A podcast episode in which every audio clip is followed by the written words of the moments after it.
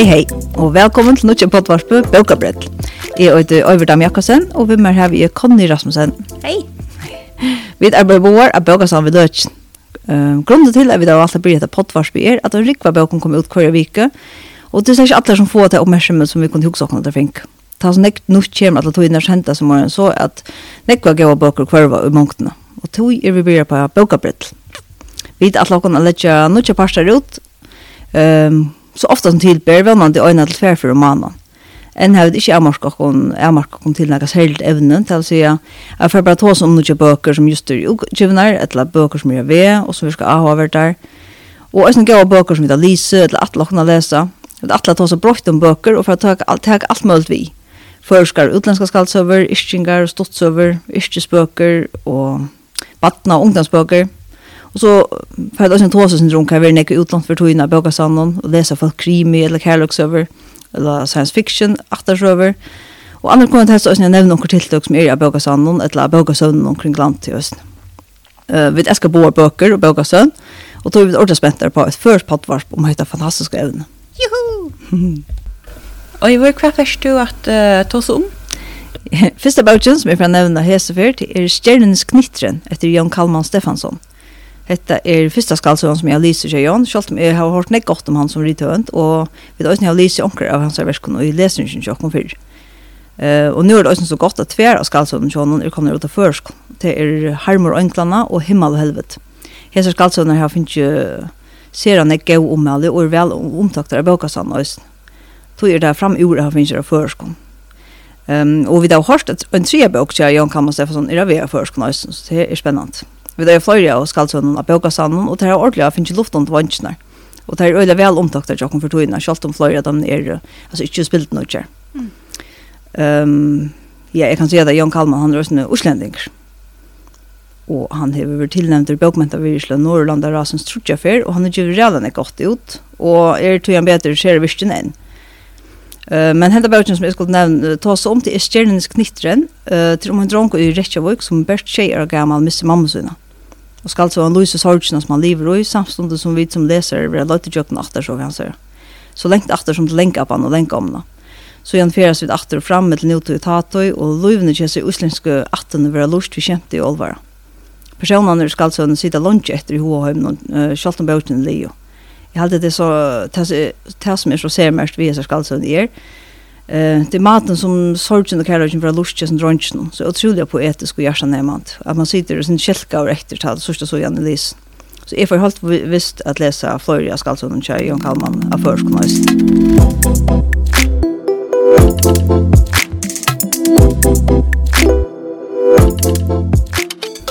Ja, så er det andre bøtjen som jeg får nevne er Livstråden etter Nicky Ehrlich. Hon er upprunlig å skriva etskon, men vi tar også danske omsetningene her i Bögasan. Jeg har ikke lyst börsna selv, men hon er helt avgjørt om en leseliste. Att gotten är kvar i människa i hemmen stendte knappt en esje, og i esjen er en traver. Som har ikke stått andra og andre en långt, Og så kører det herfra. Og som det kanske kommer gita att börsna och livstråten, så er det akkurat det som helst trener er, livstränar. Og kjelker för at kan alla til hva gjør man til man kan så akkurat hur långt man är etter livet i hikker du hører ui eksen ikke der, og hvor vel teker du, og altså, hva stær kan du få, leseren fylgjer flere personer i bøkene, og tog sutja vidt nekva imiska støver som folk er ui. Det er en tankavirkjent bøk, og vi sutja ikke bare hvordan enkelt folk reagerer på hans vitane som jeg finner, men også noe høyland og, og kipaner. Det er en spennende bøk, kanskje sin dystopisk, som er skiljer da. Og sin det blanda i omhalde hun finner ikke, onker helt om det blir for sentimental, men andre halvdaner er det spennende. Så hatt er øyn som er alt man har lest helt sikkert uh, rithøndren Nicky Ehrlich, hun er amerikansk, og hun skriver for Harper's Bazaar og New York Magazine. Og heter henne første skalse, og hun kom kjøtt av medselistene i USA.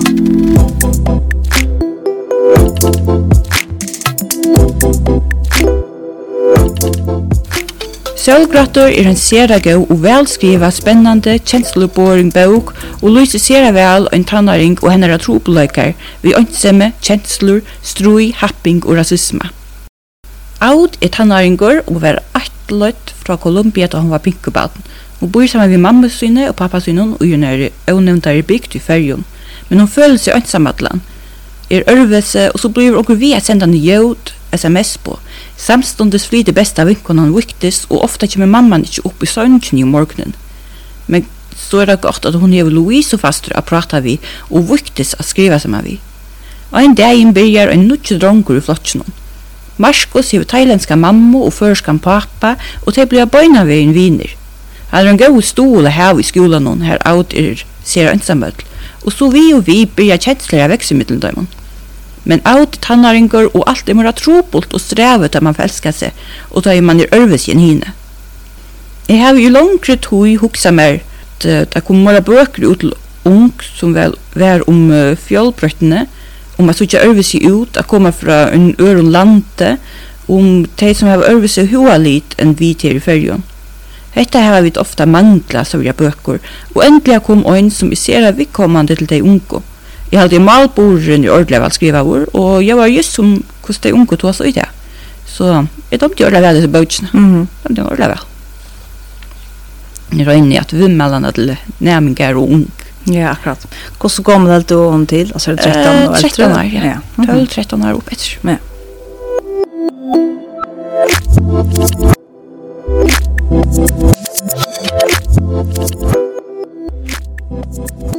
Den neste bøkken jeg får ta om er Daisy Jones and the Six, Cha Taylor Jenkins Reid. Bøtjen er om en fiktivan tonleikabølk som blei øyelig kjentur i 1970 noen inntil de bæra knapplega gav oss og før kvørl sutt. Og nå blir en dokumentarfilm og gjørger om det. Men at det her, som leseren fenger ikke på en av veien, alt er fiktivt. Tonleikabølkeren, falskene, dokumentaren, alt er uispunne. Den balkeren er stil og vid unge som får läsa det, altså, är mm. -hmm. så jeg vet altså, Daisy Jones and the Six er jag ungar hört om den tönliga bältje för Belgien er skrivet som uh, samrøver vi Timon som var i Belgien de som arbeider sammen med Timon familier og viner Nå, men i 1900 og trusjonen og halvfjerdsjonen i Los Angeles bor unga kvinnan Daisy Jones som strøyest vi å finne seg sjølvan. Hon kommer å kjenne folk som er i tøvnløkavinnene, og hun får uiblåster ui å skrive sine ekne sanger, og så leser blir hun en parster av tøvnløkaheimen. Tøyen tar over sex, drugs and rock and roll, og det var tøy. Men hun tog, uh, hun tog ser vel å skrive tonløk og tekster, og hun gjør ut en LP-plato. Billy Dunn og Brosen Graham og Women tar at Stona av Stona til Six og blir så spekelig at du bli kjenter. De slipper at innspillet tar første LP-plato og øyne sannsjen og fer tar produsere tett i et hoskott. Kvett vi har noen kvinner, jeg synes jeg vi er duett.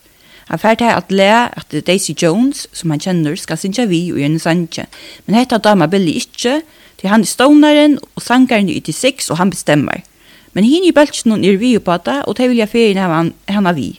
Sangren blir sera vel domtor, og hetta gjer at til seks, og Daisy blir kjent i tøvnløkaheimen. Settene blir Daisy en pastor av tøvnløkabøltsen, og han blir kjent som Daisy Jones and the Six. Mm. Daisy og Billy kunne ikke torka hvem annan, men de doa vel skra sanje saman.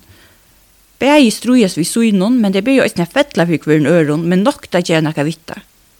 Billy struttes vi rusennon og rusdrekka da de six bægi av blia kjenter, men han ble sendt til avvenjing, og nu røyner han sitt beste at være en god mæv til gånesyne og en god pape til bøtt. Men Daisy strujas enn vi av ballas at rekka og teka rusevner. Henne er alluiv ur ut av kontroll, Men det er bort alt trobult i bøltjen, og mittelen henne og billig, så her er akkurat mittelen deg, men det tår seg takka fyrsta stie, siden hette kan øyletja alt. Rithøvdren hever også skriva sangtekstene som Billy og Daisy skriva saman i bøtjene, som ordelig vel lyser støvende i mittelen deg. Bøtjen er om tøvnløyk, om samløyka, om kærløyka, om tvistøver, og hun ser vel skriva at hun er skriva som samrøver i mittelen bøtjene. Mm -hmm. Daisy Jones and the Six er akkurat kommet ut som sjøvarsprø av Amazon Prime, og jeg har sett akkurat pers der, hun er rettelig god. Ja. Sannsyn i ruinen, hun er også rettelig god. Ja, ja. Hun kom også ned at uh, New York Times bestsellerlist uh, i 2019. Okay. Rida under nivå også skriver Evelyn Hugo syv ekte menn, og nå kommer tver ærer av danskene. Orla kjøtt, uh, Malibu i flammer, og Carrie i Soto vender til Beie. I dag med alla vännerna i Rydödan. Och då det jag att skriva. Så att jag glömde till hina på böcker. Ja, så bra att jag köper det här också. Ja, det är okej. Spännande.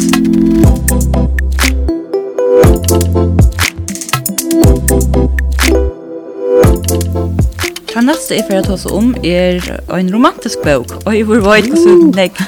Skulle, altså, jeg elsker romantiske bøker. Jeg rønner alltid å få henne til å kjøpe mer og mer og mer romantiske bøker romcom, romantisk og sånn akka. Mm. Og den her er ordentlig fitt og charmerande. Uh, hypotesen om kærlighet tja Ali Hazelwood. Hva gjør man da man har sagt vi beste vinkunna at man har finnet en kjeik, og så kommer hon ovantar forboi, og mamma mossa en pura fremmande mann som gonger forboi det. Hette det som Olive Smith gjør, og hon vet at hun er, er alvorlig dumma seg. Først for jeg liker for vinkunnene, og så for jeg mossa en professor av skolan hon. Olive granskar sina PhD-ritjer og heimskjenta Stanford universiteten. Adam Carlsen er professor i samme universitetet og er riande, kaltor og er rias eller heta han. At denne hendingene får det er godt hosgått. Om det lærte som om det ganger saman, så gagnar det tøym om bavon.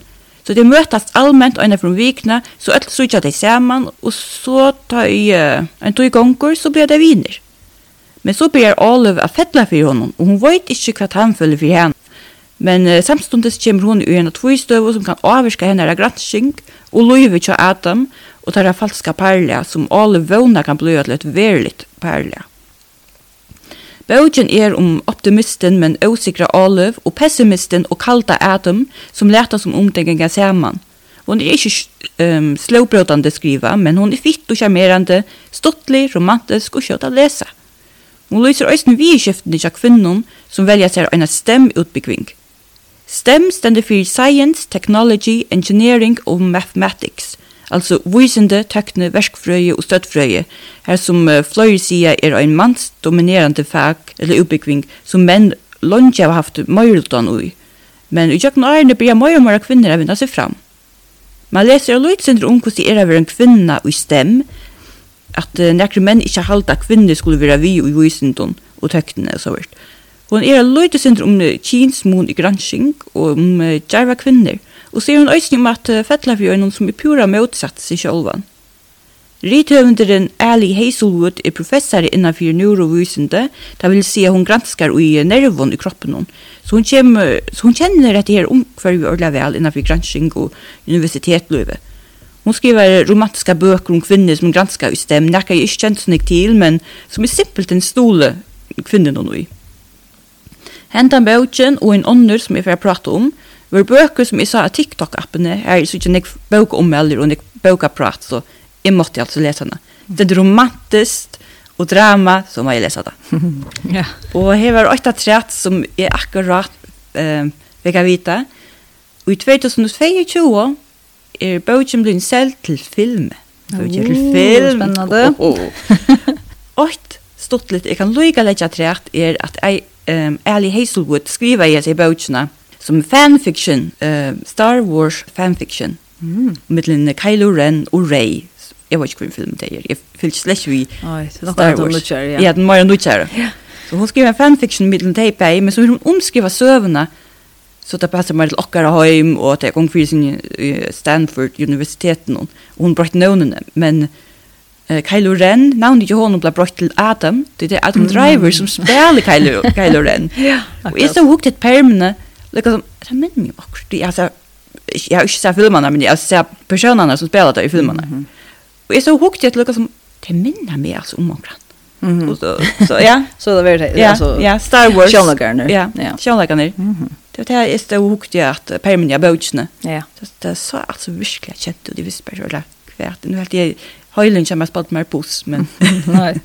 Du, og hva er det for bøk, du er det til ung eller vaksen? Um, young adult. Ja. Hon är lite sin steamy som det unga säger, men men fint stått stort romantiskt. Ja.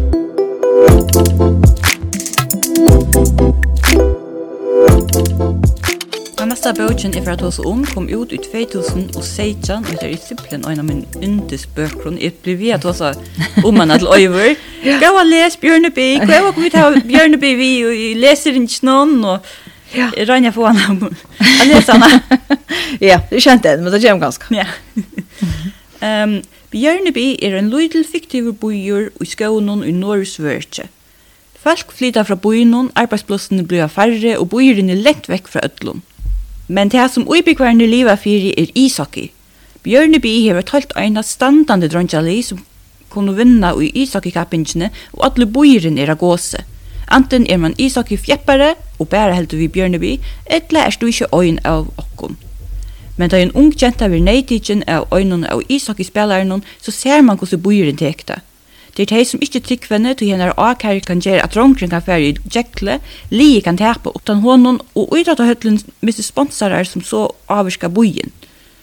Bøynavegin er det folk som gjør henne i skyldene og høtte henne og familiene, men her er også folk som tryggver henne og vilja hjelpe. Men det som gjør det sira trobult er at vi er hver, hver sin er sujo, og bøyren for tviningar. Her er folk som vilja hjelpa, og så er det de som best tok som seg sjølvan, eller om hvordan det for å avvarska bojen og isak i lije. Bøtjen er om de vel som vi teka som òsni avvarska ånder.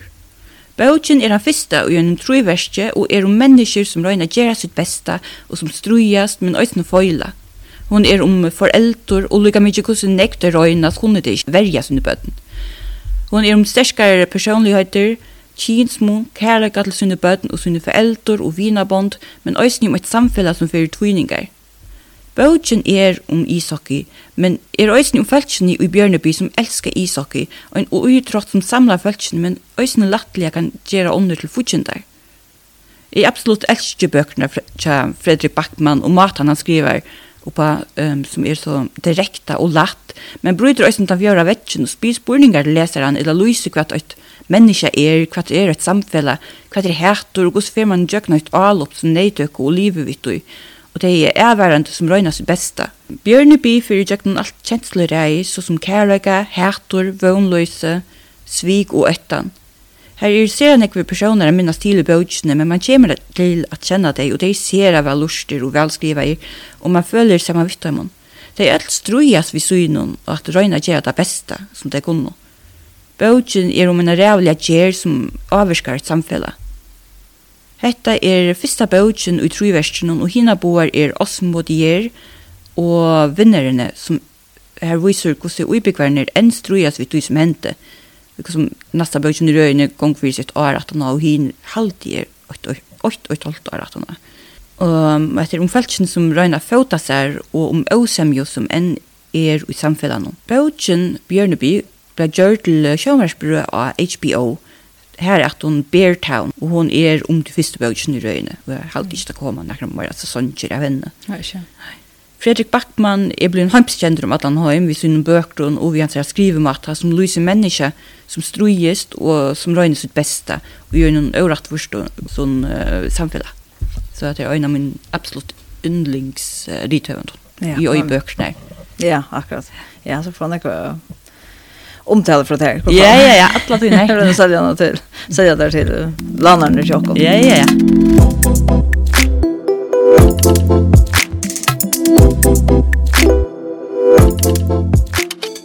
Jeg får at nevne øyne på åkets og det er en som heter uh, Annas sang, til Benjamin Koppel.